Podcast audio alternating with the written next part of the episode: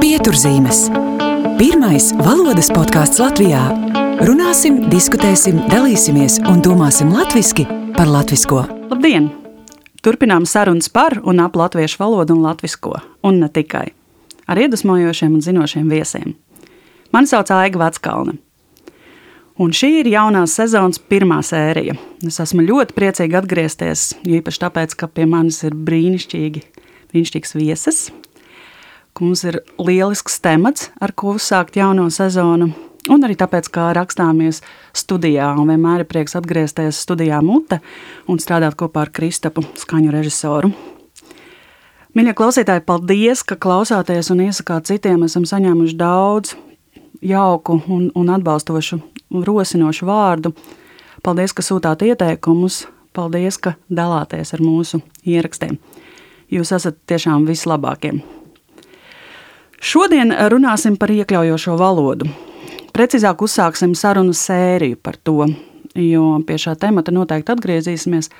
Tas ir plašs temats, un temats arī, par kuru ir jārunā, un šķiet, ka šī vajadzība kļūst ar vien tāda svarīgāka.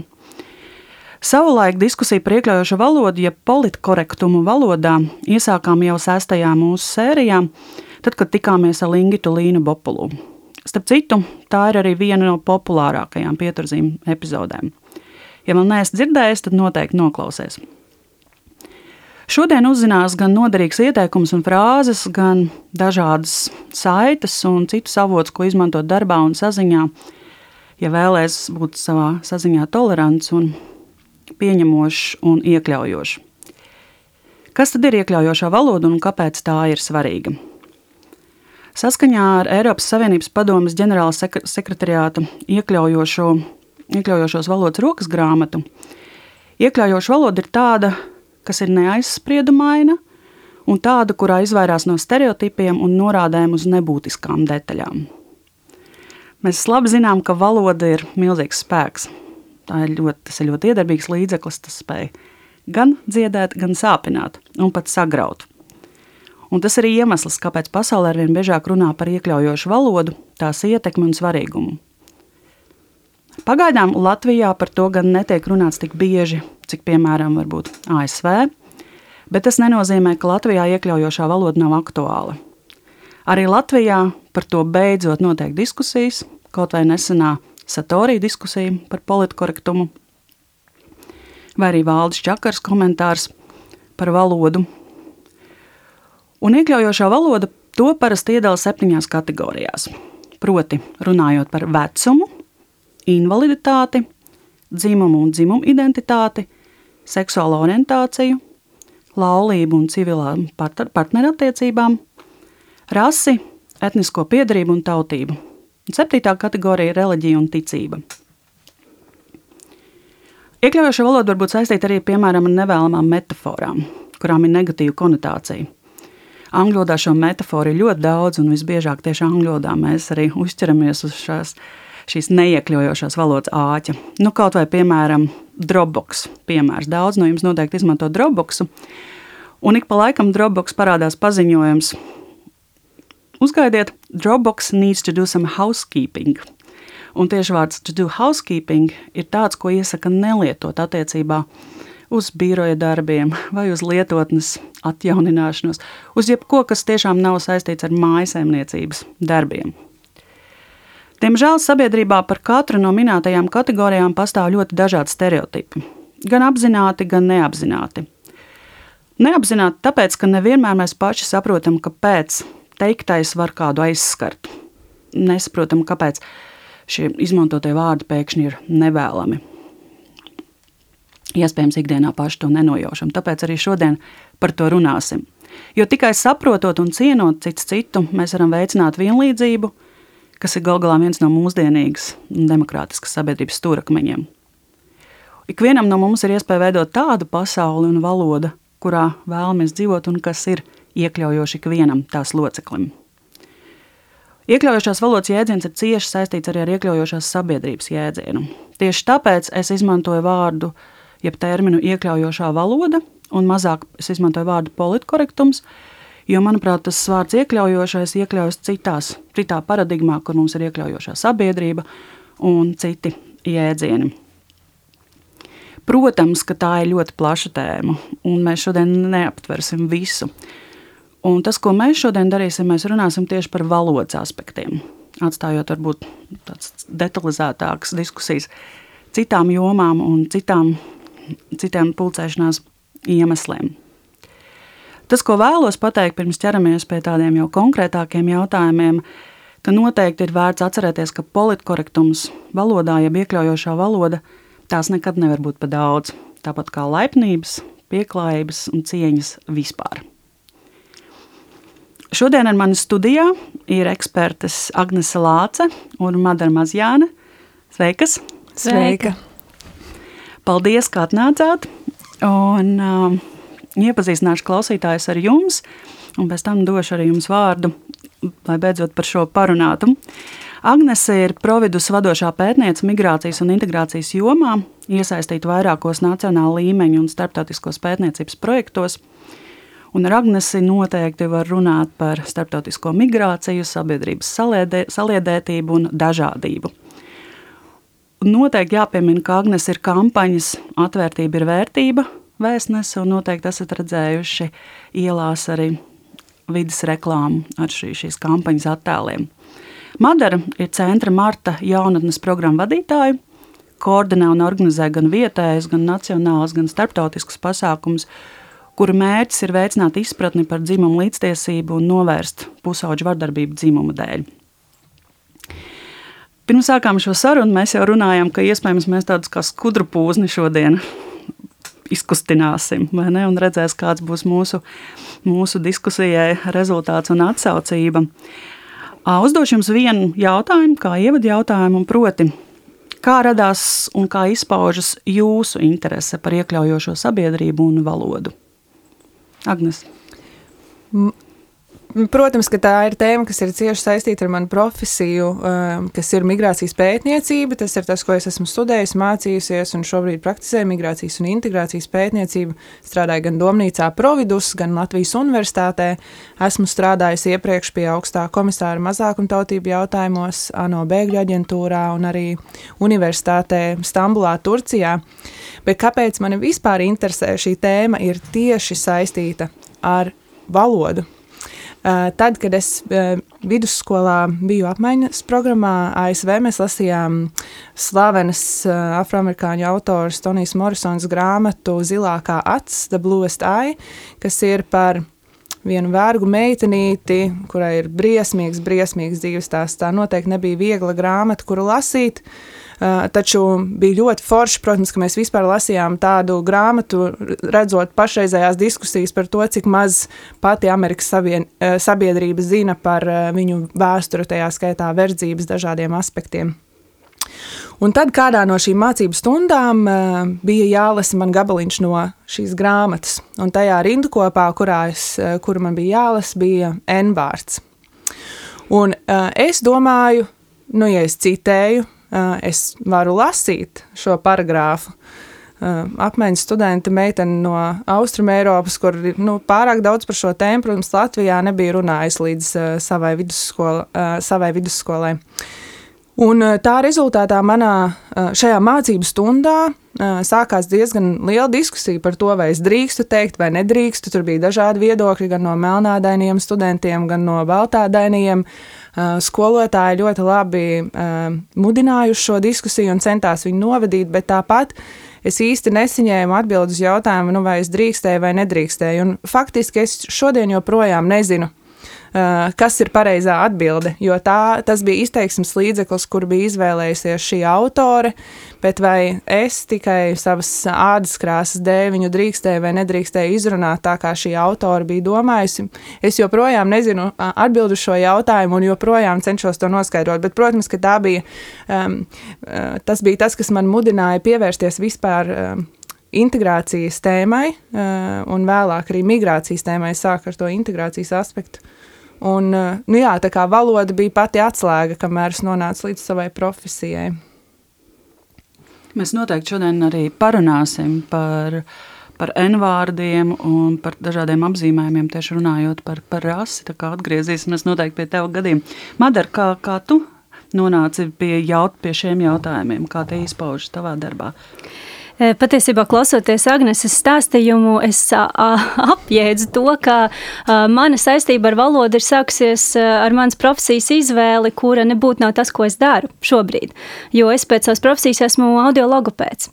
Un manas studijas vairāk bija par to, kā atjaunot valodu vai kā to veidot no pavisam maza vecuma, vairāk runājot tieši par, par to, kā veidojas skaņas, kā veidojas kopā vārdi, lasīt prasmu un tā tālāk. Un ļoti interesanti, ka tagad pēdējo desmit gadu laikā mans ceļš ir aizvedis pie pie atbildīga darba, kas ir valodas veidošana un veicināšana, lai valoda būtu kā instruments veidot savstarpējas cieņpilnas attiecības. Un mana ikdiena daudz ir saistīta ar darbu tieši ar pusauģiem. Un, manuprāt, tas ir ļoti atbildīgs process, jo mūsu kopējās tikšanās reizēs ar jauniešiem mēs daudz runājam par vērtībām kā tādām, bet, protams, ka mēs daudz arī runājam par to, kā, kā šīs savas vērtības, vajadzības, domas, sajūtas komunicēt cieņpilnā veidā. Nu, un valoda ir tā pamata atslēga. Tā kā, tā kā man, man kā personai, personībai ļoti rūp vide, kurā mēs dzīvojam. Un, gluži kā ikvienam, man arī gribas būt uh, savstarpējā um, komunikācijā ar, ar cilvēkiem, uh, kurus es dzirdu, kuri dzird mani. Uh, tas nebūtu nenozīmē, ka mēs vienmēr simtprocentīgi dalīsim vienādas vērtības, uh, bet ka mēs spējam par to sarunāties. Jā, Tiešām, paldies. Un es arī par to, par to logopēdiju domāju, ka patiesībā jau arī ir runas traucējumi. Un cilvēki ar runas traucējumiem bieži vien arī cieši no tā, ka viņi netiek iekļauti vai ir aizspriedumi pilna attieksme pret viņiem valodā. Noteikti, un cilvēki arī ar dzirdes traucējumiem Jā. vai uh, nedzirdību, kur uh, zīmju valoda ir uh, vēl viens valodas, valodas veids un, un process, par kuru varbūt netik daudz tiek runāts sabiedrībā kopumā. Jā. Tieši tā. Kā jums šķiet, kāpēc tieši šobrīd šis temats ir tik aktuāls un kāpēc par to vajadzētu runāt tagad un šobrīd un turpināt runāt visu laiku? Un Latvijā, protams, šobrīd tas ir aktualizējies gan um, saistībā ar to, kas notiek ASV, um, Black Lives Matter kustības kontekstā. Um, vispār pieaugušos migrācijas kontekstā Eiropas uh, Savienībā un tajā, kā arī mēs redzam vairāk dažādību. Un, uh, un tās ir tēmas, kas ienāk ikdienā arvien biežāk, teiksim, runājot, uh, runājot par, uh, par rases, uh, etniskās piedarības vai reliģijas dimensiju šajās iekļaujošās valodas kontekstā. Un, un, un tepat pavisam nesen ir bijušas sarunas par, par to, kā, kā latviešu filmas pielāgot mūsdienām, kā saukt saldējumus un tā tālāk. Un, it kā varbūt tēmas, kas ikdienā nav šausmīgi nozīmīgas un kaut kā nemaina mūsu dzīves kvalitāti, to, nu, kā sauc šo saldējumu, vai, vai, vai kādā filmā ebreji tiks saukti nicīgā vārdā, bet tas, kā notiek šī saruna par šiem terminiem, manuprāt, atspoguļo to īpašo vajadzību, kāpēc tā ir jāturpina. Jo ir skaidrs, ka ir ļoti daudz nezināmo, ļoti daudz neizpratnes par to, ko nozīmē aizvainojoša valoda. Nerunājot par to iekļaujošo dimensiju, kas, manuprāt, ir nākamais solis, kur mēs patiešām piedomājam par to, kā mēs komunicējam, lai valoda būtu iekļaujoša. Tas solis pirms tam ir, kā elementāri neaizvainot uh, cilvēkus. Un mums sabiedrībā par ļoti daudzām no tevis nosauktajām septiņām dimensijām mums trūkst zināšanu. Un man šķiet, ka vēl viens aspekts, pie kā ļoti jāstrādā, ir pie apziņas, kāpēc vispār mums ir vajadzīga iekļaujoša sabiedrība. Un ka, nu, no vienas puses varētu šķist, ka nu, jā, cieņpilna komunikācija un, un tas ir ikvienam ir vērtība un tā tālāk. Un tomēr paskatoties uz to, kas notiek masmēdījos, kas notiek ne tikai mazākās vai lielākās skolās, bet kas notiek arī augstrangu uzņēmumos vai, vai parlamentā vai kā citādi, cik, nu, kā valoda atspoguļo um, konkrēto individu attieksmes pret, pret notiekošo un attieksmes pret um, savā ziņā arī pašiem pret sevi un, protams, pret, pret apkārtējiem. Mm. Jā, taisnība. Bieži vien skatoties televīzijas un klausoties radio raidījumu, šķiet, ka tur tāds iekšējais kritiķis cilvēkam ir izslēgts un, un nāk ārā tik interesanti pēdiņās, protams, vārdi, ka, ka jābrīnās. Mans ierosinājums būtu kopā varbūt izskatīt šīs kategorijas un dalīties ieteikumos, nosaukt arī gan neitrālos vārdus, gan arī vārdus, no kuriem vajadzētu izvairīties. Esmu sagatavojis jums tādus dažādus vārdus, ko mēs varētu izrunāt. Jo kā atzīmē viena no mūsu Instagram sekotājām un podkāstu klausītājām, šobrīd ir diezgan liels mūsums. Daudziem, mm -hmm. kā Agnēs teica, trūkst informācijas. Ko drīkst lietot, ko nedrīkst lietot, varbūt nav zināms, kur meklēt šo informāciju. Jo tiešām tā ir, ka, piemēram, angļu valodā materiāli ir daudz vairāk. Var atrast piemērus. Latviešu valodā informācija šobrīd ir diezgan maz, un šī diskusija tikai, tikai sāk veidoties. Un pirms mēs ķersimies pie, pie šiem septiņiem aspektiem, varbūt visus arī nepagūsim izrunāt, ir jāatceras par vienmēr, ka primārais ir cilvēks. Nevis viņa rase, diagnoze, dzimums, seksualitāte un tā tālāk. Un es domāju, ja to atceras, tad vienmēr ir daudz vieglāk runāt un stāstīt par kādu vai uzrunāt kādu. Un uh, sāksim ar rasi un etnisko piedarību un tautību. Un, um, Agnēs, tavs ieraksts Facebookā par Rujienas saldējuma nosaukumu izraisīja diezgan plašu rezonanci. Tur bija ļoti daudz komentāru, tad droši vien atceries, cik. Diskusija bija ļoti karsta un nu, bija interesanti vērot tos pretargumentus, ka, kāpēc, tad, kāpēc tad nevar, vai ne? Jo taču saldējums garšīgs. Un tā tālāk. Pastāsti par šo situāciju, par šo diskusiju, tavi secinājumi varbūt pēc tām.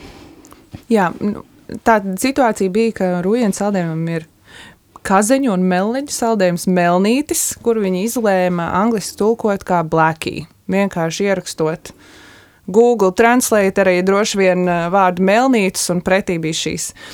Jāsaka, nu Latvijā, protams, vārds melnītis nav nekas slikts, normāls nosaukums saldējumam. Neviens ne, nevēlas aizliegt cilvēkiem lietot krāsas un tam līdzīgi. Uh, Bet uh, vārds blackie angļu valodā ir ar negatīvu noskaņu. Tas ir viens no vārdiem, varbūt tas nav tik spēcīgs kā jau pieminētais N vārds, bet tāpat tam ir ļoti negatīva noskaņa.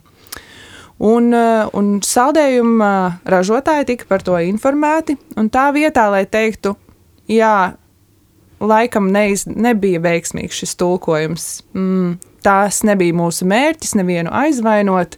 Mēs tikai vēlējāmies iztulkot nosaukumu angliski. Stulbi sanāca, varbūt varam kaut ko mainīt. Tā vietā, lai darītu to, viņi uh, reaģēja kā uh, saņemot nu, kaut kādu nepamatotu aizrādījumu, no sākuma tā reakcija bija nu, tāda aizsardzības reakcija, kas pēc tam jau pārvērtās diezgan uzbrukošā reakcijā. Man šķita, ka kurioz, kuriozākais brīdis bija, kad Džordžs uh, Stīls, kas ir Latvijā dzīvojošs uh, Amerikas pilsonis, kurš arī tumšādains, viņiem bija nosūtījis kādu ziņu, un viņi sāka viņam atpakaļ sūtīt Mārtiņa Lutera Kinga juniora citātus un uh, pamācīja, kas viņuprāt ir pilsoniskās pretošanās kustības ASV uh, pamatos. Ja. Uh, nu, šī, šis bija tas brīdis, brīdis, kurā man šķita, ok, es esmu gatava iesaistīties šajā sarunā. Jo nu kā, kā, kā tas var būt? Un, eh, un tas, kas bija interesanti, jā, ka tajos komentāros tā reakcija bija. Uh, bet uh, manu kaķi sauc Melnītis, es viņu vairs nedrīkstu tā saukt, vai uh, kāpēc mēs tagad nedrīkstam apzīmēt krāsas uh, un tā tālāk. Tās bija vēl maigākās reakcijas, kur arī nu, tā atbilde bija pietiekoši vienkārša tā nav, tas nav par šo, par šo diskusiju. Tās kritiskākās reakcijas, manuprāt, bija, kad teica, ka Latvijā jau nav tik daudz um, tumšādainu cilvēku, lai mēs vispār par šo uztrauktos. Un, ja tiem trīs uh, melnādainiem amerikāņiem šeit ir kaut kādas problēmas, nu, tad lai viņi uh, vai nu brauc prom, vai ieslēdzās skapī un tam līdzīgi. Un, un šī ir tā problēma, ka mums šķiet, ka uh, nepietiek ar vienu cilvēku, kuram tas ir aizvainojoši, lai mēs kaut ko mainītu savā uzvedībā. Nepietiek ar cilvēku grupu, kuram tas ir aizvainojoši. Mēs pat nedomājam, kādu ietekmi tas atstāja uz Latvijas tēlu starptautiski, jo, nu, ja jau tas saldējuma nosaukums ir angliski, nu, kaut vai Igaunijā viņi viņu pārdos turpat pāri robežai. Uh, tas nes līdzi zināmas sekas. Mm, viens ir šis aizvainojošais elements, otrs tas pasaka kaut ko par mums kā par sabiedrību. Un uh, nav Es pati noteikti savā dzīvē esmu lietojis gan aizvainojošus vārdus, gan izteicienus, vēl tad nezinot, ko tie nozīmē. Es noteikti esmu kļūdījusies, es noteikti esmu pateikusi kaut ko, kas nav bijis patīkami citam cilvēkam. Es nezinu, vai es vienmēr esmu saņēmusi uz to norādi, bet pēc tam iemācoties, es esmu izvairījusies to teikt. Tā nav kļūda nezināt, bet ko līdz tu zini, kļūda nemainīt savu attieksmi. Tas, tas ir tas, kas ir slikti, un šī situācija to brīnišķīgi attaino. Un strādājot ar, ar imigrantu integrāciju, arī ar nedaudz ar mazākumtautību jautājumiem, Es redzu to, ka Latvijā ne tikai parastiem iedzīvotājiem, bet arī politiķiem ir ļoti grūti mācīties to, kas tad būtu tā pareizā terminoloģija, ko mums būtu jālieto. Un viens, vien, viena no lietām, kas ir, kad mēs nesaprotam, ko nozīmē vārds bēglis, ka tas īstenībā ir juridisks status, ka nav tāda lieta kā ekonomiskie bēgļi, to joprojām es dzirdu katrā diskusijā par bēgļiem, un mēs esam cenšies to norādīt vairākas reizes. Cilvēki nemācās, vai arī nevēlas mācīties, vai zina ļoti labi, ko tas nozīmē, un turpina to izmantot, jo tas ir uh, izdevīgi viņu politiskajam kapitālam. Kā mums vajadzētu saukt? Tie ir uh, ekonomiski migranti. Uh, ekonomiski migranti. Uh, Nu, un bēgļi ir atsevišķa kategorija. Tie, kas pārceļās kaut kur darba nolūkos, tos tā arī var saukt - darba migranti, ekonomiski migranti. Migrants arī ir interesants vārds. Latvijā ļoti cenšas no viņa izvairīties dažādos uh, politikas plānošanas dokumentos, sakot, ka viņam ir negatīva noskaņa, bet neviens cits jau ne negatīvu noskaņu tam vārdam nav radījis kā sabiedrība pati. Migrants pats ir arī juridisks status, tas nav nekas negatīvs kura uzdevums ir mainīt šo noskaņu sabiedrības izpratnē par, par vārdu migrants. Es nezinu, bet tas arī ir par to, kā mēs to vārdu lietojam. Ja mēs lietotu viņu biežāk pozitīvā kontekstā, iespējams, tas būtu citādāk.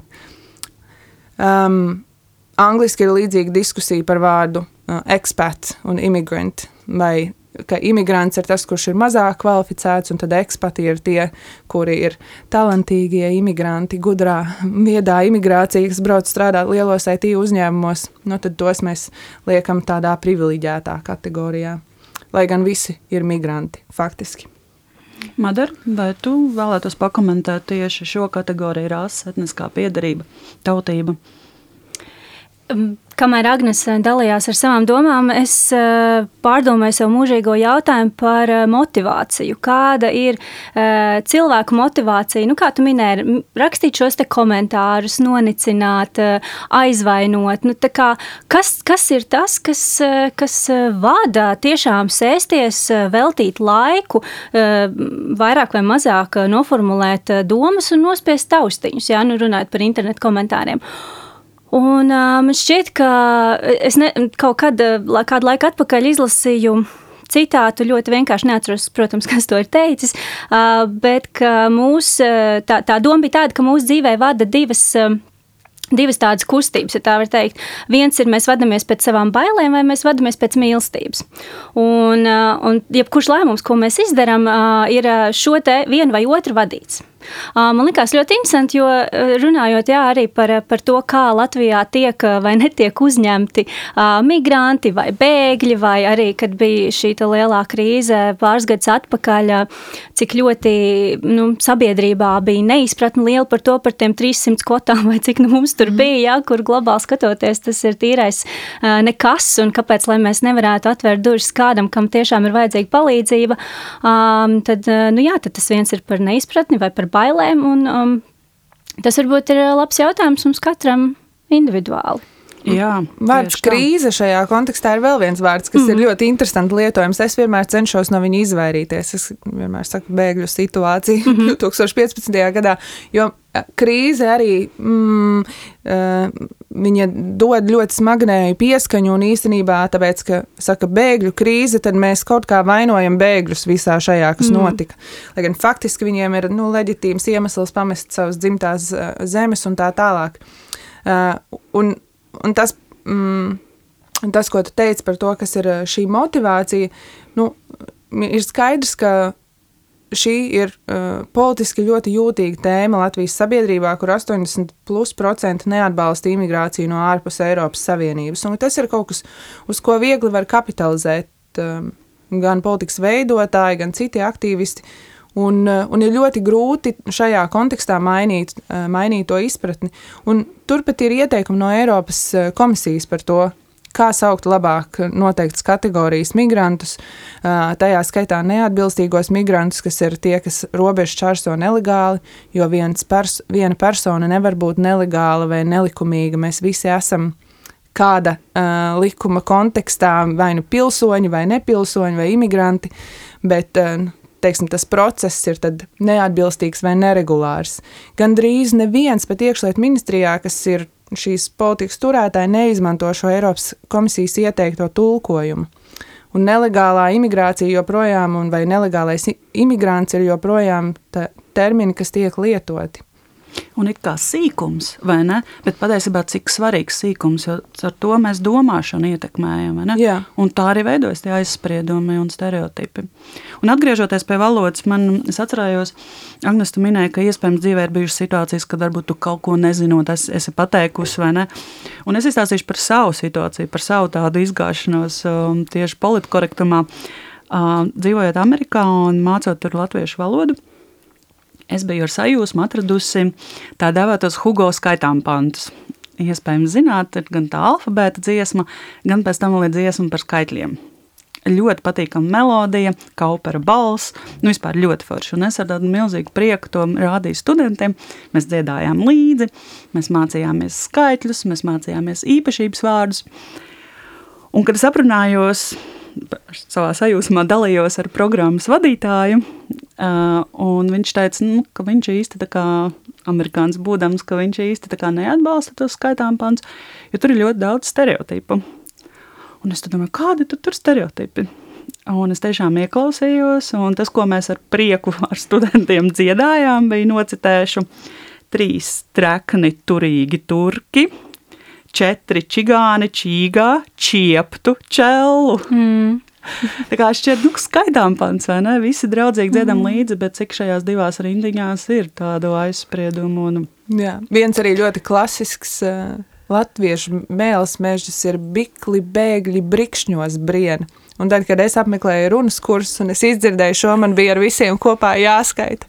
Nu, neko nu skaitīju, jo mācījos to izrunu, bet es domāju, kā lai es, nu, nu, vai man vispār ir vērts iejaukties šajā un norādīt, ka varbūt to nevajag izmantot. Mm.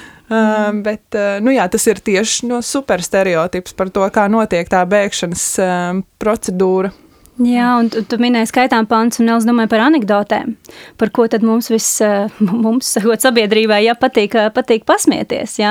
Cik ārkārtīgi daudz anekdotas ir par, eh, par cits ēdskrās, cits etniskās piedarības, jā, un, un cik tā un pēdiņās. ļoti daudz. O, jā, un, un, un tā pēdiņās runājot, cik liela sajūsma tas izraisa publikā, jā.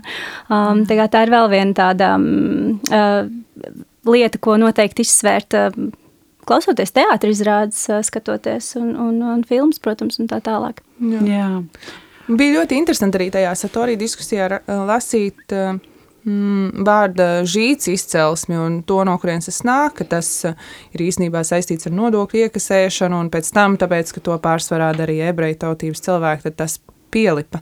Un, uh, Un, lai gan tas bija aktīvi lietots, varbūt, nu, nezinu, tur pat ne simts gadus, nu, pāris gadu desmitus, tas ir kaut kas, eh, pie kā noteikta Latvijas sabiedrības daļa turās kā, nu, bet tā taču ir mūsu vēsturiskā valoda. Mums, eh, mēs mierīgi varam mm. to teikt, vai tāpat par vārdu čigāns, um, kas arī vairs nav vārds, ko ir pieņemts lietot, lai apzīmētu visu uh, tautību. Ir, protams, Roma tautības pārstāvi, kas paši sevi tā sauc, Eh, kur viņu apvienības tā saucas. Tas ir cits jautājums, bet, ja mēs vēlamies runāt veidā, kas ir būs nu, visdrīzāk vismazāk aizvainojošs, tad vēlams lietot tos vārdus, par kuriem esam vienojušies, ka tie ir tomēr iekļaujošāk kā romi un ebreji. Jā, tāpat kā ar šīm zīmēm, tāpat kā ar šiem simboliem, ne, ko nacisms pārņēma un kam ir uzlikta fašisma un nacisma zīmogs. Līdz ar to tur nu, nu nav divu domu, vai ne, ka mēs šo vārdu neizmantojam, kāds tur vairs atrunas. Un par valodu runājot, nu, daudzi, protams, saka, jā, bet, bet ko tad mēs tagad visu mainīsim, vai ne latviešu valodā krāsas, tā kā tu teici, un tā tālāk, un kā tad balta nāca tautumēt, arī vairs nevarēs teikt, visādi ir, ir lasīts. Nu, protams, jāatceras, tā kā jāuzsver vēlreiz, ko Agnes teica, ka latviešu, latviešu valodā vārdam melns nav šāds konotācijas. Latviešu valodā var, var būt melnais balzāms, un par ko vēl satraucas daudz. Mm. Un, protams, ka nevar aizliegt mums lietot dažādus vārdus. Nu, nu skaidrs, nu ne, nestāvēs klāt, vai ne? Bet jāatceras, ka publiskajā telpā valoda mums nepiedara. Ka publiskajā telpā, un es nedomāju tikai uzstāšanos publiski, es domāju arī sociālos tīklus. Es domāju sarunas, kur ir vairāk nekā divi labi draugi, bet varbūt kāds svešs cilvēks. Ka publiskajā telpā mums valoda nepiedara, un šos vārdus nu, tiešām nevajag, nedrīkst lietot. Un, un tie vārdi, mēs pat dažreiz nepievēršam uzmanību. Es nezinu, vai jūs lasījāt, mm, bet ar pieminēto Džordžu Stīlu bija intervija arī Latvijas avīzē, LALV portālā un kur Džordžam Stīlam bija iespēja paust savu viedokli un ļoti pamatot, un iesaku, iesaku to izlasīt, un nu, viņa pieredze. Bet mani ļoti sarūktināja žurnālistas uh, veids. Tur bija tā intervija, bija tik stereotipaina un aizspriedumaina. Un es domāju, klausītājai, ja jums ir interese tādu nelielu vingrinājumu veikt, tad mēs ieliksim arī saiti piezīmēs, sameklēt, kur tad šī aizsprieduma valodā ir, un, un, un zināt, ka tā, ka, tā, ka tā nevajadzētu. Un tiešām visu cieņu Džordžam Stīlam, kurš, kurš to interviju visu ļoti, ļoti mierīgi un cieņpilni arī, arī izturēja. Jā. Ko man gribētos pateikt, pirms mēs ķeramies pie nākamās kategorijas, un varbūt jums būs kāds komentārs. Parunājam par konkrētiem vārdiem. Nu, piemēram, mēs bieži vien aizmirstam būt konkrētam, kad runājām par Āfrikas iedzīvotājiem. Piemēram, mums viņi visi ir afrikāņi. Un jāatceras, ka tur ir 54 valstis. Un noteikti, ja vēlamies teikt, kenijieši, ja runājam par Kenijas iedzīvotājiem un tā tālāk. Jo būtu savādi, ja, piemēram, mēs par sevi vai par mums runātu kā par eirāziešiem, ja, kā par tādiem su, mm. suņu šķirni. Un te daži, daži vārdi. Mēs jau tikām galā ar, ar ebrejiem un romiem, ko, ko klausītāji noteikti iesaku izmantot. Protams, var izvēlēties, kā teikt, vai cilvēki ir tumšāds krāsa un tumšādaini, melnādaini. Bet pirms mēs šo vārdu izmantojam vispār, es vienmēr iesaku sev pajautāt, vai tas ir svarīgi, vai tas vispār ir jāsaka, mm. jo tā ir fakta konstatācija. Nu, mm. Vai mums kaut tajā kontekstā vispār tas ir jāmin? Mm. To vienmēr ir vērts atcerēties. Un vēl kāds vārds, no kura vajadzētu noteikti izvairīties, ir vārds eksotisks, runājot par cilvēku. Jā, tie ir eksotiski augļi, bet noteikti ne cilvēki.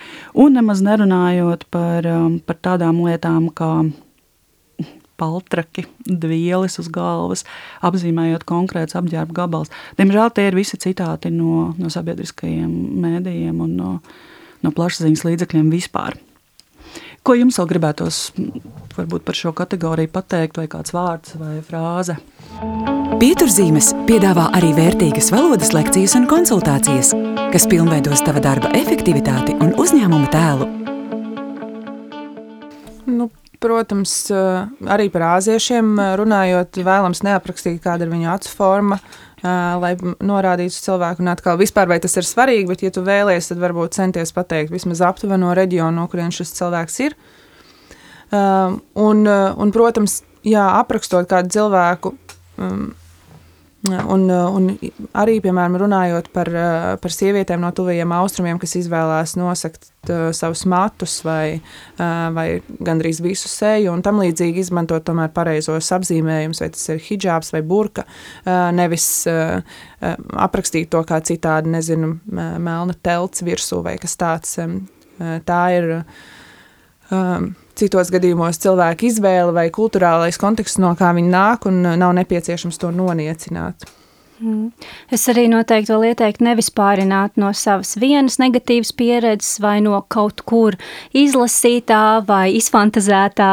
Um, tas pats par visi arābi ir teroristi, visi ķīnieši ir vēl kaut kas, nu, ko tad mēs varam teikt par visiem latviešiem, jā? Vai mēs izmantojam šo jēdzienu, ka mm -hmm. visi latvieši piešķirot tad nekādu negatīvu, uh, ar negatīvu noskaņu īpašības vārdu, jā? jā. Nu, mm, vēl nu, viena liela pārdomā. Piemēram, runājot par Latvijas diasporu, mēs mēdzam tik, tik un tā tā runāt par īpaši nesenajiem emigrantiem. Uh, ir kādi stereotipi, kas pastāv arī par šo sabiedrības uh, grupu.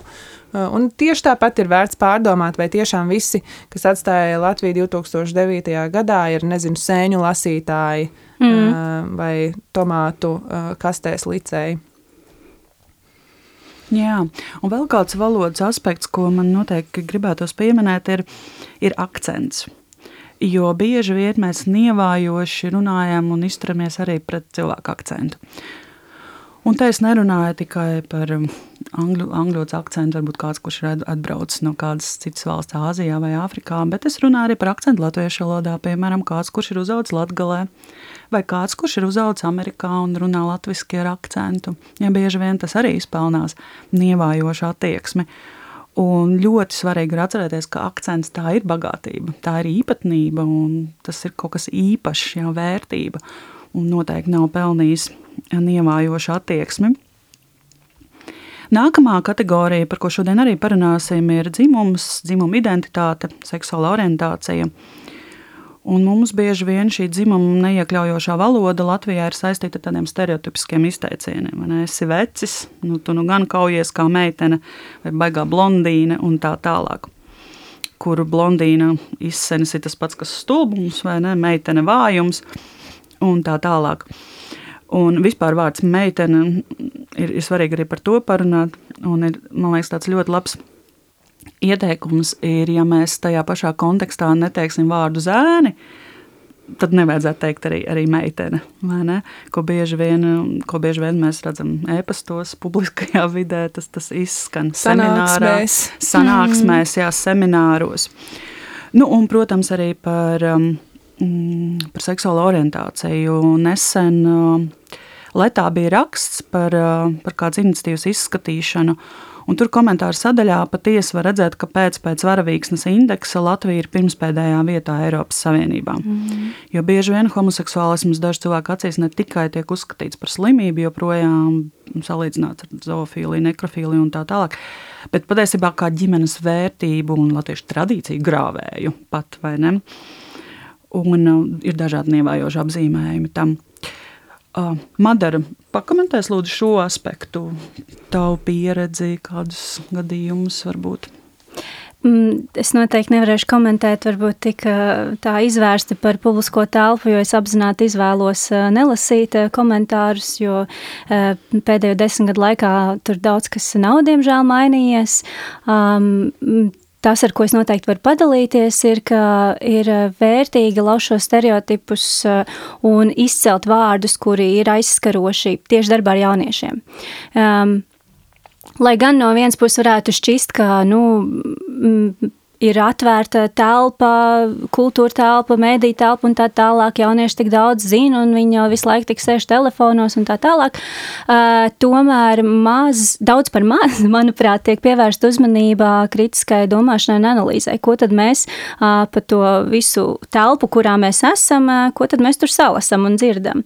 Un uh, tad, kad es strādāju ar jauniešiem, mēs ļoti bieži runājam um, tieši par šiem te jēdzieniem, ar kuriem tiek apzīmēta mūsu seksuāla orientācija, dzimts identitāte, bioloģiskais dzimums, kas ikviena ir atšķirīga um, atšķirīgs rakstura lielums, tā var teikt, un, un, un atšķirīga, atšķirīgs varbūt šīs izpausmes. Nu, un tad mēs arī daudz diskutējam par to, mm, kāpēc joprojām uh, vārds gejs tiek lietots kā aizvainojums, uh, un, un kāpēc to nevajadzētu lietot, vai uh, Vispār drīkst teikt, nu, tādus arī rupjas vārdus šeit. Jā, jā, jā protams. Mēs protams. daudz arī runājam par to, kāpēc vārds pēdiņš ir aizvainojošs un ko tas vispār nozīmē. Ja? Un, un, ja šis vārds tiek lietots katra teikuma galā, tad vai tiešām nu, tā izpratne ir par to, ko mēs, ko mēs pasakām. Um, tas, tas pirmais komentārs nāca ārkārtīgi klasisks, un, uh, un brīžiem jau rodas tiešām liels sagurums skaidrot vienu un to pašu atkal un atkal. Uh, un, um, Un, eh, manuprāt, ko būtu noteikti svarīgi ikvienam izdarīt, kā tādu mājas darbu, ir uh, iegūglēt vai nu, jā, ie, ie, ierakstīt meklētājā, apskatīties tezaurā vai jebkurā citā vārnīcā, ko tad šie visi vārdi patiesībā nozīmē. Un uh, no kurienes šie nievājošie izteicieni ir, ir cēlušies un kāpēc viņi ir nievājoši. Agnes? Man, man jau šķiet, ka pēdējos gados, īpaši, protams, pēc Stambulas konvencijas diskusijas, um, Latvijas sabiedrībā tomēr ir palielinājusies izpratne par to, kāda ir atšķirība starp bioloģisko dzimumu un dzimti, jeb šo sociālo identitāti. Uh, vienlaikus meklējot definīcijas arī vienam materiālam priekš jauniešiem, par, par šiem it kā jau tagad diezgan plaši izdiskutētiem lielumiem. Es tāpat saskaros ar to, um, ka Latvijā ir ļoti um, joprojām šaura, uh, šaurs vārdu krājums, lai runātu par visu, kas ir pa vidu starp vīrieti un sievieti. Mm -hmm. uh, respektīvi, um, arī definējot dzimumu vai dzimti, tiek izmantot tikai šie divi mm -hmm. iespējamie varianti. Un, protams, ka tas arī ir politisks lēmums. Es šajā diezgan, nu, skatoties, piemēram, Labklājības ministrijas mājaslapā, kas ir tā, kas runā par dzimumu līdztiesību Latvijā. Um, un, un man ir grūti mm, strādāt ar šīm tēmām tieši dažādības vadības kontekstā, vai arī runājot ar jauniešiem, jo es zinu, kas būtu labi vārdi angliski, bet man ir ļoti mm -hmm. grūti pateikt, kas būtu piemērot Piemēroti termini latviski. Nevalstiskās organizācijas, kas strādā ar šiem jautājumiem, ļoti strādā pie tā, lai palielinātu izpratni un arī vārdu krājumu runājot par šīm tēmām, bet tie nav vārdi, kas ir nu, iegājušies, teiksim tā. Un, un kā lai mēs to panākam, kad tas nonāk ārpus, teiksim, Martas ikdienas darba un mērķa auditorija strādājot arī ar jauniešiem, kā lai tas nonāk um, ierēģņu vārdu krājumā. Piemēram, politikas veidotāji, protams, apzināti izvēlās neiz, neizmantot kādas vārdas, bet ierēģiem vajadzētu būt šim uh, vārdu krājumam.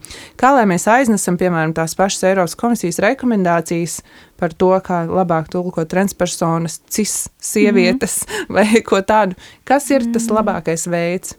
Un man īsti nav atbildes vēl par to?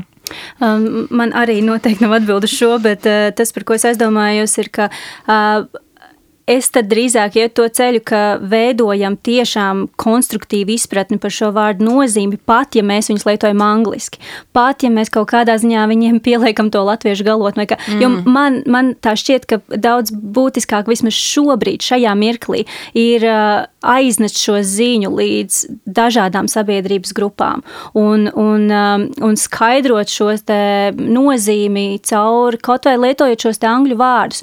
Un tad, kad jau mēs būsim tajā līmenī, ka mēs varēsim teikt, jā, es saprotu, par ko tu runā, un jā, es saprotu, kāpēc šo vārdu lietot ir, ir neveselīgi un kaitīgi un sāpīgi, tad mēs varēsim veidot diskusijas par to, labi, kā mēs šo varam pateikt latviski. Jā. Mm. Man šķiet, ka tas būtu tas pirmais. Bet mēs jau Madara saskārāmies ar vienu strupceļu šajā jautājumā, kur mēs arī konsultējāmies ar Aigu. Uh, organizējot nometni, mēs gribējām tur sekot starptautiskajai labai praksē, kur cilvēki var no, norādīt sev vēlamos vietnieku vārdus. Latviešu valoda īsti neļauj sevi pielāgot tajā virzienā, kur angliski tu var izvēlēties she, her, he, he uh, him un they. Un latviešu valodā īsti šādas iespējas nav, jo mums visi vārdi ir noteiktā dzimtē. Jā, un te es labprāt pakomentētu arī no valodas aspekta. Jo, manuprāt, Agnēs, tu minēji, ka viens ir viena šī politizēšana un politiskais lēmums bieži vien ierobežo. Bet otra lieta arī tas, ka, ka mūsu valodas īpatnība arī šo to ierobežo. Ļoti labi, ka tu minēji šo vietnieku vārdu situāciju. Un tā mūsu valodas ir īpatnība un skaistums, protams, arī tas, ka mūsu valodā notiek gramatizācija, proti, mums ir dažādas kategorijas, kā dzimta, persona un tā tālāk. Un mēs varam izteikties tikai izmantojot šīs kategorijas. Mēs nevaram tagad vispār, ne, mums ne, nav trešās dzimtas, mums mm. ir ne katrās dzimtas. Ne? Un ir interesanti ar vārdu they, oh, jeb šo vienskaitļa vai forma, nevis kā viņa, vai ne, bet mm. tieši vienskaļa forma, ka šī ir ļoti sena forma. Es esmu klausījusies valodnieku stāstīto, ka patiesībā šī forma ir radusies jau 16. gadsimtā vai pat agrāk, līdzīgi kā šis karaliskais mēs jā, apzīmē šo, šo es. Un mēs nevaram to tā burtiski pārnest. Tagad, tagad viņi būs tas, tas tā neitrālā dzīve. Mums jāmeklē cits uzdevums. Un iespējams šīs nometnes, kuru mēs organizējam, vai ne, arī tur mēs varam šo vingrinājumu veikt un atrast šo atbilsmi, kas zina, varbūt mums, mums kaut kas arī izdosies. Es vēl par to jā. vietnieku gribēju jā. piebilst, bet tāpat laikā, ja mēs lietojam vārdu jūs, uzrunājot vienu cilvēku, mēs caur šo te vārdu skaidri pozicionējam savu cieņpilnu attieksmi vai, nezinu, tur kaut kādas vāras pozīcijas vai atšķirības vai kā citādi. Mēs par to esam vienojušies. Mēs saprotam, ka, ja es uzrunāju Aiga tevi uz jūs, tas nozīmē, man ir zinām veida attieksmes pret tevi vai, nu jā, pret tavu personību. Līdz ar to tas ir tāds, nu, tas ir iespējams. Jā, un es gribētu, lai mūsu klausās valodnieki un lai arī, arī tur sākas šī diskusija par to, ko ar to darīt. Kā ar latviešu valodas īpatnībām to īstenot, ne, neko nezaudējot no valodas mm -hmm. īpatnībām, no valodas skaistuma. Un vēl viens aspekts, kas ir saistīts arī lielā mērā ar, ar šo dzimtu, un proti, šo viņš, viņa, protams, ir um, ar to, ka latviešu valodā krievu valodas ietekmē joprojām mēs ļoti bieži profesijām izvēlamies vīriešu dzimtas galotni. Jo īpaši ārsti. Ja pamanīsiet, bieži vien pat uz vizītkartēm ir rakstīts, piemēram, ārsts Inita Bērziņa ja, vai ārsts dermatologs Liene Liepiņa un tā tālāk. Un šeit ir svarīgi atcerēties tādu vienkāršu valodas likumu, īpatnību, ka latviešu valodā mēs vīriešu dzimtu izmantojam tikai tad, kad mēs nezinām personas dzimumu. Proti, ja mēs zinām, ka jāsūta vēstule nezinu, skolas direktoram, nezinām direktoru vārdu, protams, mēs rakstīsim skolas direktoram. Bet tiklīdz mēs dzimumu zinām, mums nav pamata izmantot vīriešu dzimti. Tātad vīriešu dzimta ir vispārīga latviešu valodā, tas ir vispār pieņems, bet tikai tad, kad mēs nezinām konkrēti. Un vēl viens aspekts, kad, kā izvēlēt, kā būt neitrālam, ko iesaka darīt. Ne visiem tas patīk, protams, bet es domāju, šis nav patiks, nepatiks jautājums, ir izmantot vārdu persona. Ja, tāpēc Jā. arī dokumentos ļoti bieži, tiesību aktos dokumentos, tur nav šis viņš, viņa. Ja, tur, ir, tur ir persona. Lai arī tas dažkārt izklausās smagnējāk. Jā, bet tad lūk, attiecīgi tur sieviešu dzimta. Par to vispār pieņemto vīriešu dzimis lietojumu Ir interesanti, kā akadēmiskajā valodā šis ir mainījies, īpaši angļu valodā, kad ilgu laiku bija vispār pieņemts rakstot par cilvēkiem, izmantot him, vai nu, rakstot arī par vienu cilvēku, izmantot vīriešu dzimti. Un, tagad, un tad tā bija tā kā maza uh, feministu kustība akadēmiskajā vidē, kas teica, bet kāpēc, nu, kāpēc? Varbūt mēs varam izmantot arī izmantot arī sieviešu dzimti tikpat labi. Un tas, ko es cenšos diezgan konsekventi darīt uh, savā, ak, savos akadēmiskajos rakstos, mm, uh, interesanti, vai ja es izlemtu tomēr rakstīt vēstuli skol, skolas direktorei, vai kāds uh, būtu aizvainots, ja arī tad, ja es nezinātu, kas tur priekšā ir. Mm. Jā, te, protams, jāņem vērā katras valodas īpatnības. Jā, mm. Angļu valoda tādā ziņā gan pašas valodas, valodas struktūras un īpatnību dēļ ir citāda, gan arī angļu valodā šis process ir. Tieši iekļaujošās valodas process ir aizgājis daudz tālāk. Tā kā mm. mums daudz priekšā, un es domāju, tas ir brīnišķīgi, jo mēs varam arī tajā iesaistīties. Jā. Tā, dažas, um, dažas frāzes, daži vārdi, un, un um, piemēram, tu izskaties tik vīrišķīgi vai tik sievišķīgi. Ko mēs varam darīt? Ko mēs varam teikt? Tu labi izskaties. Tu labi izskaties jā, Tev piestāv tieši tā, šī krāsa. Tas ir, tas ir tik, tik vai ne, tik salīdzinoši vienkārši. Vai arī bieži vien kontekstā var būt vīrišķīgs vai sievišķīgs, vienkārši mēs varam aizstāt ar cilvēcīgs. Tas ir tieši tā.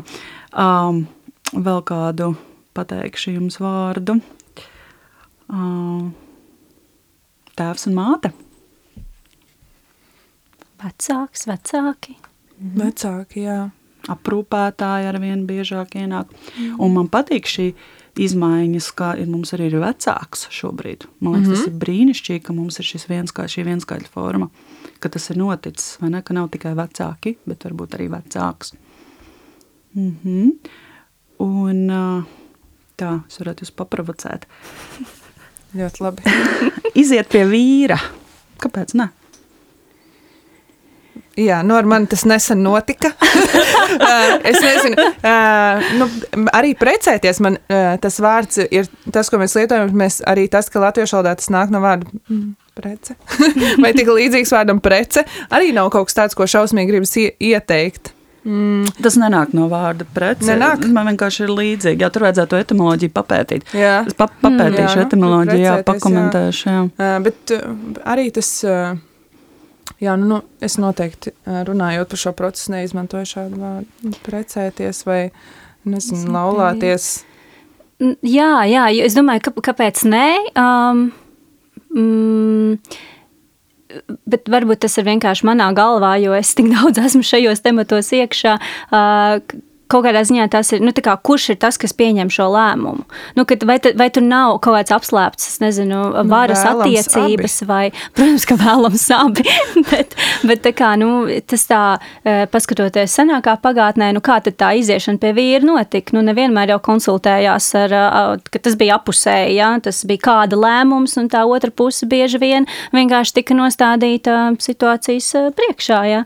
un, un tā, mm, Un, un arī tas ir, nu, jā, bet varbūt tas, tas manuprāt, tas stāsts aizmugurē ir, nu, ka tās ir uh, heteroseksuāls attiecības. Es izēju kā sieviete, bioloģiski sieviete, sev identificēju kā sieviete, es izēju pie bioloģiski vīrieša, kas sev identificē kā vīrieti un tā tālāk. Mm, bet tā nav realitāte. Es kā uh, bioloģiski sieviete, un, un arī pēc savas identitātes kā sieviete, varu izvēlēties iziet pie sievas. Jā, un, tad, un, un kas tad, nu jā, ka tas var, Jā. protams, ka tas ir aizsaraukts uz acis. Ja. Vai arī mēs vispār varam, izvairīt, varam izvēlēties neizmantot šos vārdus vīrs un sieva savā laulībā. Jā, tieši tā. Jā. Kur mm -hmm. cilvēks sauc vienos par partneriem, Jā. dzīves biedriem un tā tālāk. Jā. Un tas kļūst arvien populārāk īpaši tādēļ, ka nu, precības kā tādas nav process, kam obligāti jānotiek, lai tev būtu ilgstošs dzīves biedrs. Un, un tā tu vari izvairīties uh, Eh, gan, ja tu esi laulībās, gan, ja tu neesi, tu šādi stādot priekšā savu dzīvesbiedru vai partneri, tu vari izvairīties no, eh, no nērtām situācijām, kur, eh, kur mm. ir jāapspriež, kas tad tieši ir šī te, kopdzīves forma. Jā, tā ir. Un, lai kā arī varbūt atkal daudziem nepatiktu, vai ne, ja mums tā var būt, ka mums vārdi nepatīk vārds partneris vai dzīvesbiedrs, es domāju, šie vārdi ir ļoti labi, jo tie ir neitrāli vārdi un iekļaujošas valodas. Viens no kritērijiem ir šī neutralitāte. Un arī ielūgumos noteikti ir vērts atcerēties, jo, ja joprojām rakstāt ar kundzi vai kungu, uzaicinot kādu, tad, protams, ir vērts padomāt, varbūt to var aizstāt, piemēram, ar, ar otru pusi vai ne, ar dzīves biedru iekavās eni, vai ne, lai tas tomēr ir, ir neitrālāk un neieliek zināmos rāmjos. Mm. Uh, vēl daži vārdi par vecumu. Arī tur, lai cik tas arī nešķistu dīvaini sabiedrībā, kura noveco, vai ne, un kur mēs arvien vairāk runājam par, par, par vecumu un par senioriem, arī šeit pastāv dažādi stereotipi un, un valodas, valodiski aizspriedumi. Uh, Nu, piemēram, jau pieminētais meitenes, vai ne, runājot par sievietēm, vai puiši runājot par vīriešiem, vai viņš jau ir par vecu vai par jaunu, lai kaut ko izdarītu. Nu, nemaz nerunājot, protams, par, par vecie cilvēki. Jā, un, protams, ka mums ir vārds šīs seniori, un es domāju, ka tas ir arī ļoti labs un ietilpīgs vārds, lai nevajadzētu izdomāt kaut ko vārdus ar vārdu, ar, ar sakni vecs. Madara, tev, tev ir ko sacīt par šo? Es aizdomājos par vārdu. Um, Vārdu savienojumu um, vīrietis labākajos gados, um, vai sieviete labākajos gados. Un, uh, un kas ar to tiek domāts? Nu, pusmūžs, nu 40 līdz 55 vai 42 līdz 68. Vai, nu, kā, šis man arī liekas tāds. Um, man šķiet, ka tas bija nedaudz. mēģinājums kaut kā pateikt. Pieklājīgi, jā. jā to e eifēmismus. jā, jā, nu, ka, ka visiem jā. skaidrs, ka mēs runājam par 55 plus, bet nu, jā. nu nevar jau tā teikt, tāpēc, nu, labākajos gados. Uh, man šķiet, ka tur drīzāk tas, jā. Bet, nu, vai tāpēc mēs nedziedāsim līdzi šai Raimana paudziesmai? Gan jau dziedāsim. Jā, protams. Un, un vēl, un es domāju, tas ir svarīgi ne tikai runājot par vecumu, bet par vecumu mums ļoti bieži izskan šī frāze, ka, piemēram, neraugoties uz saviem gadiem, viņam ir ķēriens uz to, vai viņš paveic to.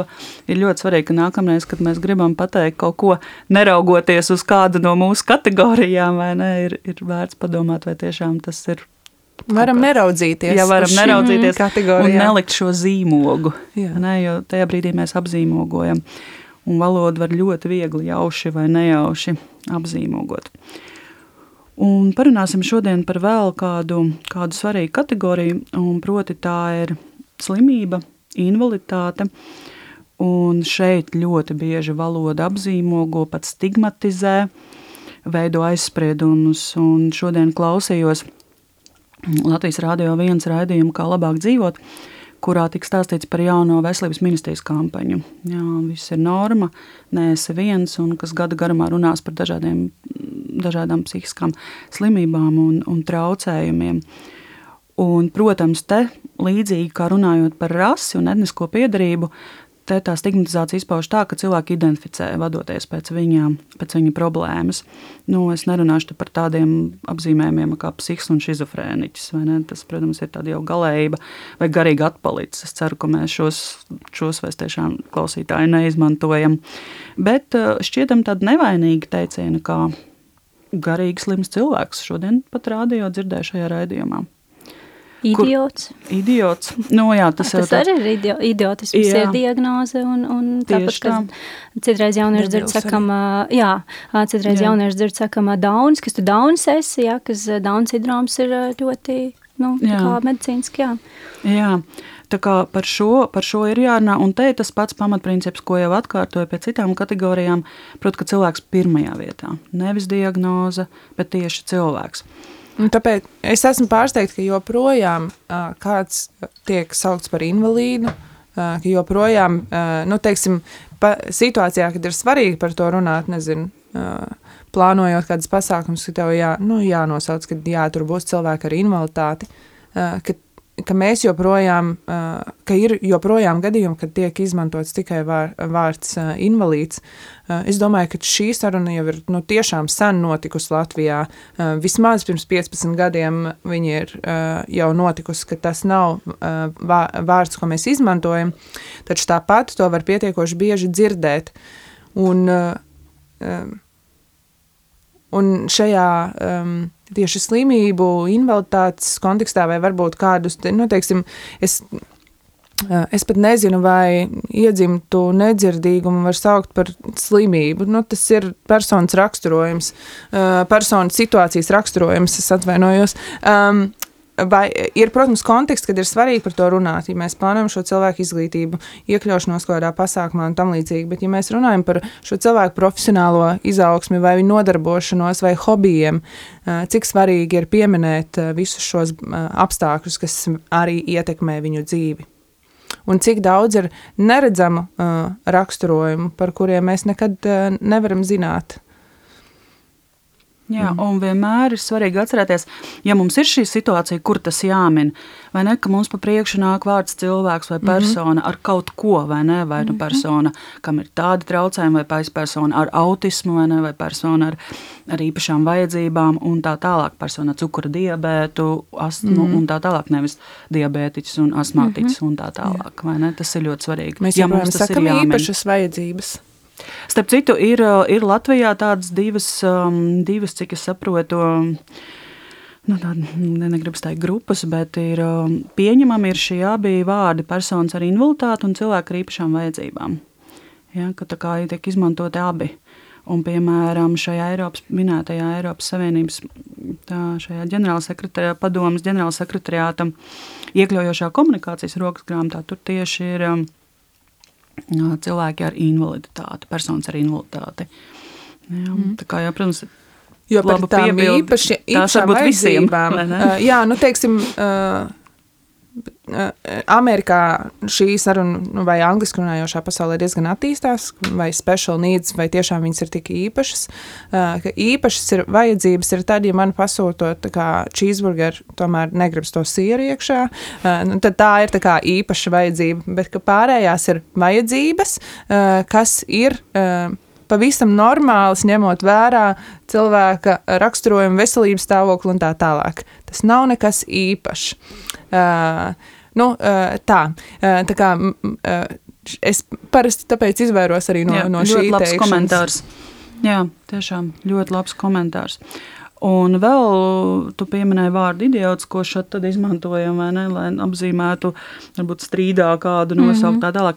Vēl vērts atcerēties arī, ka histērisks, ko šeit izmantojam kā īpašības vārdu, lai kādu raksturotu.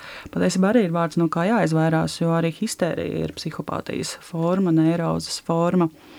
Un, manuprāt, šo vārdu neadekvātu neatbilstošu lietošanu noteikti nonevelē šo vārdu patieso nopietnību un, un, un to, ka, nu, ka šī, šī apstākļi vai šīs situācijas ir tiešām nu, jāuztver nopietni un ir jāņem tie vērā. Un, un tur ir, nu, Um, mm. Respektīvi, ja mēs katra, nezinu, katras sliktas dienas galā teiksim, man ir depresija, protams, ka tas, ka tas dod absolūti miksētu signālu uh, gan līdz cilvēkiem, gan arī man kā individam vispār par, par šī apstākļa vai šīs situācijas izpratni. Ja? Ko tas patiesībā nozīmē, kad, kad cilvēks saka, nu, um, jā, es sastopos ar, ar, ar nezinu, depresijas izpausmēm vai jebkā citādi.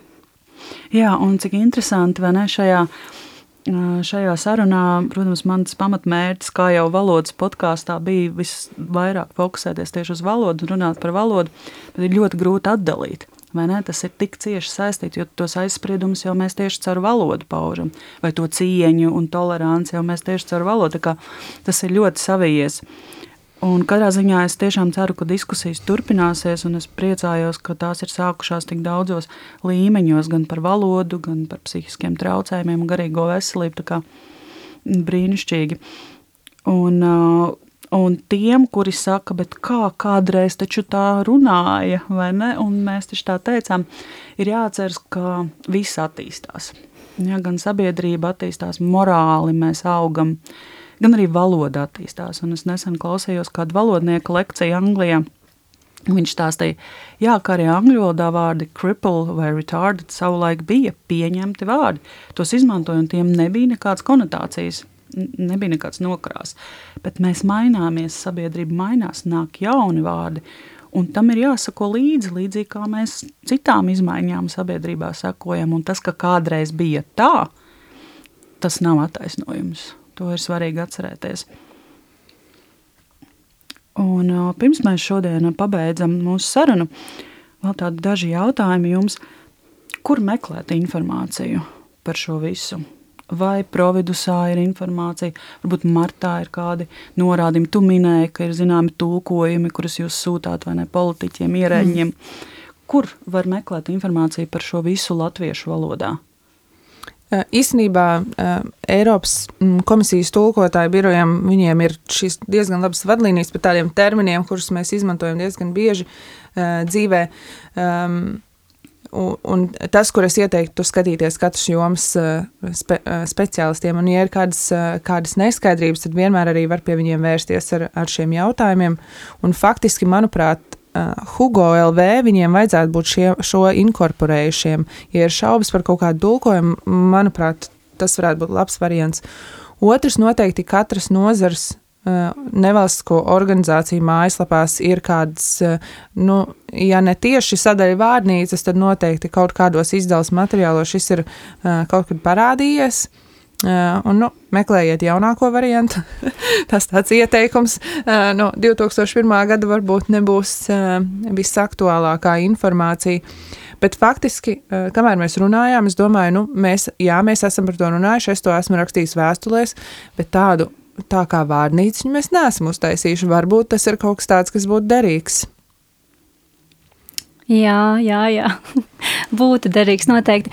Un, uh, Tu jau, Agnes, savā jā, pārdomās minēji par, par to, ka nu, nav, jau, nav jau kļūda nezināt, vai nav nu, kā, Manuprāt, nezināšana bieži tiek pavadīta ar kaunu izjūtu. Nu, kā es, es, es nezinu, kā man tagad pareizi teikt, tāpēc es neteikšu vispār neko, vai arī es nu, šaušu ārā to, kas man uh, ir ienācis prātā, un uh, nu, pastāvēšu līdz galam pa savu, jo nu, lepnums neļauj atzīt, ka es varbūt nezinu, jā, vai jebkura cita, cits aspekts vai situācija. Uh, man šķiet, ka vienmēr ir ārkārtīgi vērtīgi uzsākt sarunu par šo vai, uh, vai ar uh, konkrētās. Uh, etniskās, reliģiskās vai kādas citas grupas piederīgajiem.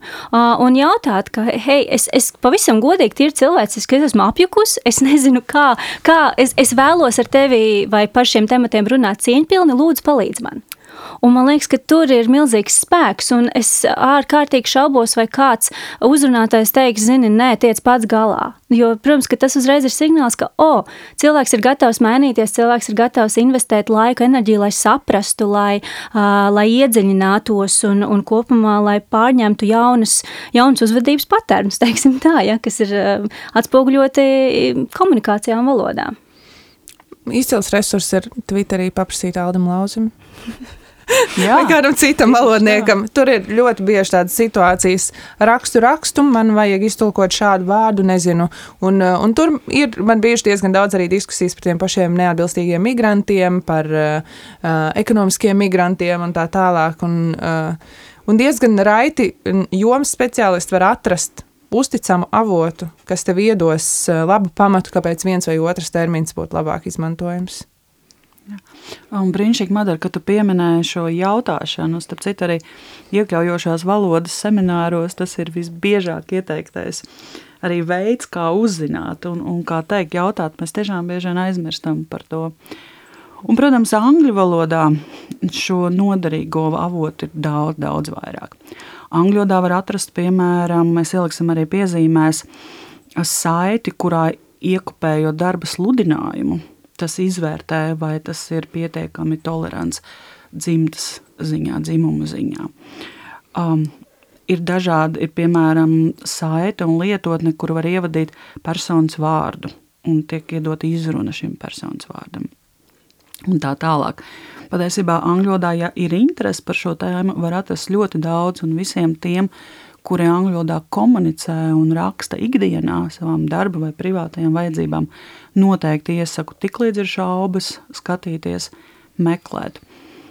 Un, protams, internetā var atrast ne tikai dažādus vārdus un dažādas padomus, bet internetā var atrast arī informāciju par noteiktu etnisko grupu un tautību svētkiem jo ne visas vien Ziemassvētkus. Mm. Un tad, kad mēs angliski uzrakstām Merry Christmas, mm -hmm. nosūtām un nepadomājam, patiesībā mēs varam izdarīt pat, pat sliktāk. Un ir svarīgi ka atcerēties, ka ļoti, ļoti daudz cilvēku pasaulē nesvin, nesvin Christmas, nesvin Ziemassvētkus. Un atšķirībā no latviešu valodas, angļu valodas vārdam ir šī konotācija, kas norāda uz konkrētu reliģisko piedarību.